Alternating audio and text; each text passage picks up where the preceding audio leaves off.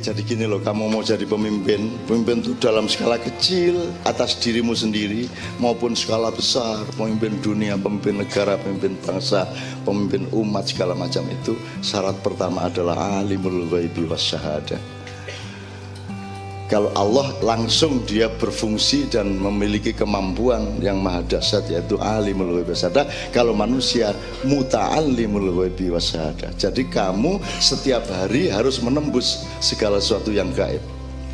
Sing gaib itu apa? serem tak? gak kon kok ngoyoh jambiro sampean ngoyoh kok jambiro ini, ngoyoh mungkin jek begitu selesai sama ngoyo nesing jam biro lagak roh nah, berarti gue ternyata gue itu siji. Kapan ngising? Jadi ojo goib itu jenuh kekala goib itu segala sesuatu di hadapanmu yang kamu pasti belum tahu sekarang. Lima menit lagi ada bom apa tidak? Tidak tahu.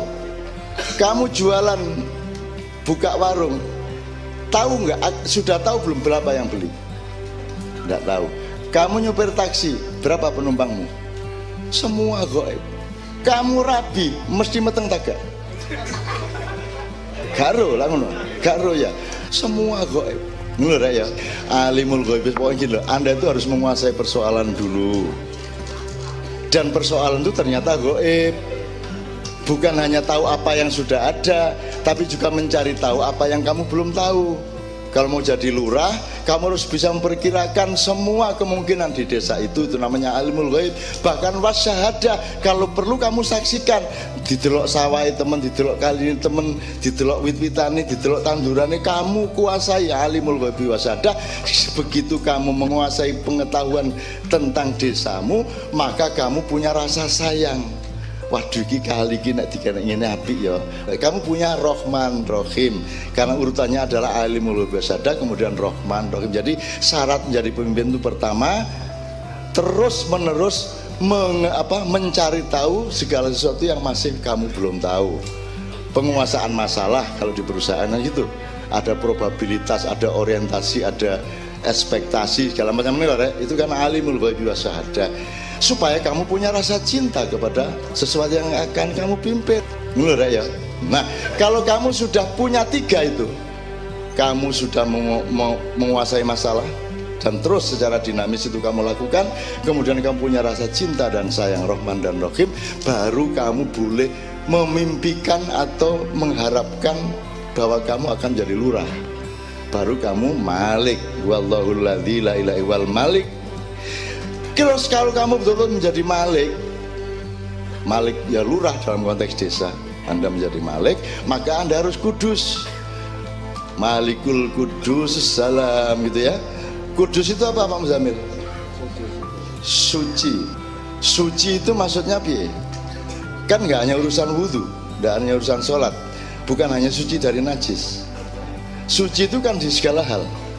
Nek wedok ya wedok, ojo wedok kok arani lanang.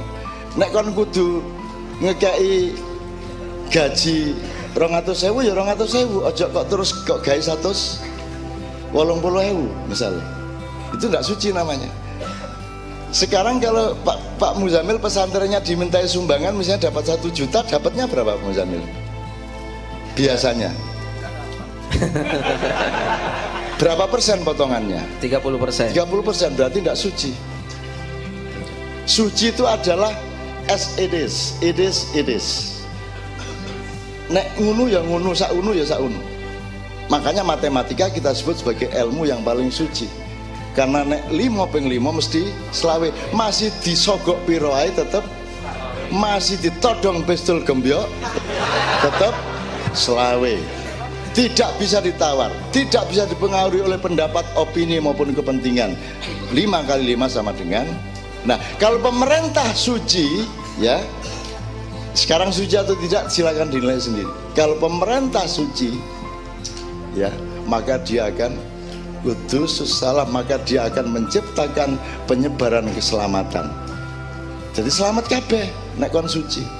Suci ku gak kok terus pas sembayang dok.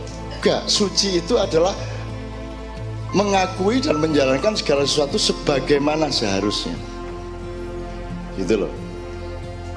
Freeport seharusnya itu milikmu ya milikmu. Jangan dijadikan milik orang lain. Bukan soal kita eman emasnya tapi kita membela kesuciannya. Kan begitu? Jadi anti korupsi itu bukan karena eman barangnya kok dicolong. Anti korupsi itu adalah kita memelihara kesucian hidup. Menurut ya? Jadi suci kudus kalau su, kalau kamu suci tidak korupsi artinya kan ya nek anjane iki salah kok hukum gak salah gak kok hukum. Saya ikan salah gak salah tergantung kepentingan. Ya tak gak? Tergantung sopo sing ditersengahkan tergantung sopo sing kuasa sopo sing berkepentingan. Itu berarti tidak suci. Maka kamu menyelamatkan kalau salah. Mukmin maka kamu bikin aman satu sama lain. Akhirnya bisa percaya satu sama lain. Sekarang kita saling percaya apa tidak? Sekarang berapa persen rakyat percaya kepada pemerintah? Sekarang pemerintah percaya nggak sama rakyatnya? Nggak tahu. Jadi tidak ada situasi mukmin saling percaya satu sama lain, maka tidak akan bisa memelihara stabilitas. Tetap akan penuh gejolak-gejolak, jadi tidak bisa muhaimin. Kalau sudah tidak kudus, tidak salam, tidak mukmin, tidak muhaimin, maka mustahil Indonesia bisa menjadi aziz apalagi kok jadi jabar apalagi mutakabir sekarang kita ditakaburi oleh kekuatan-kekuatan dari luar betul enggak karena kamu tidak aziz, kamu tidak jabar. Kenapa Indonesia tidak aziz, tidak jabar? Karena kamu tidak suci, karena kamu tidak mengamankan rakyatmu, karena kamu tidak membuat orang saling percaya satu sama lain. Maka sudah batal dan tidak lolos Indonesia yang sekarang maka kita sekolah lagi sekarang di Ma'iyah dan anak-anak Ma'iyah akan membangun kembali kejayaan negeri kita dan menyelamatkan seluruh dunia. Setuju kan? siap kan? Inang Rabi sing gurung? Sing wis? Mana? Jebol pistolmu wes wis jam 2 jam 3 17 rek wis oke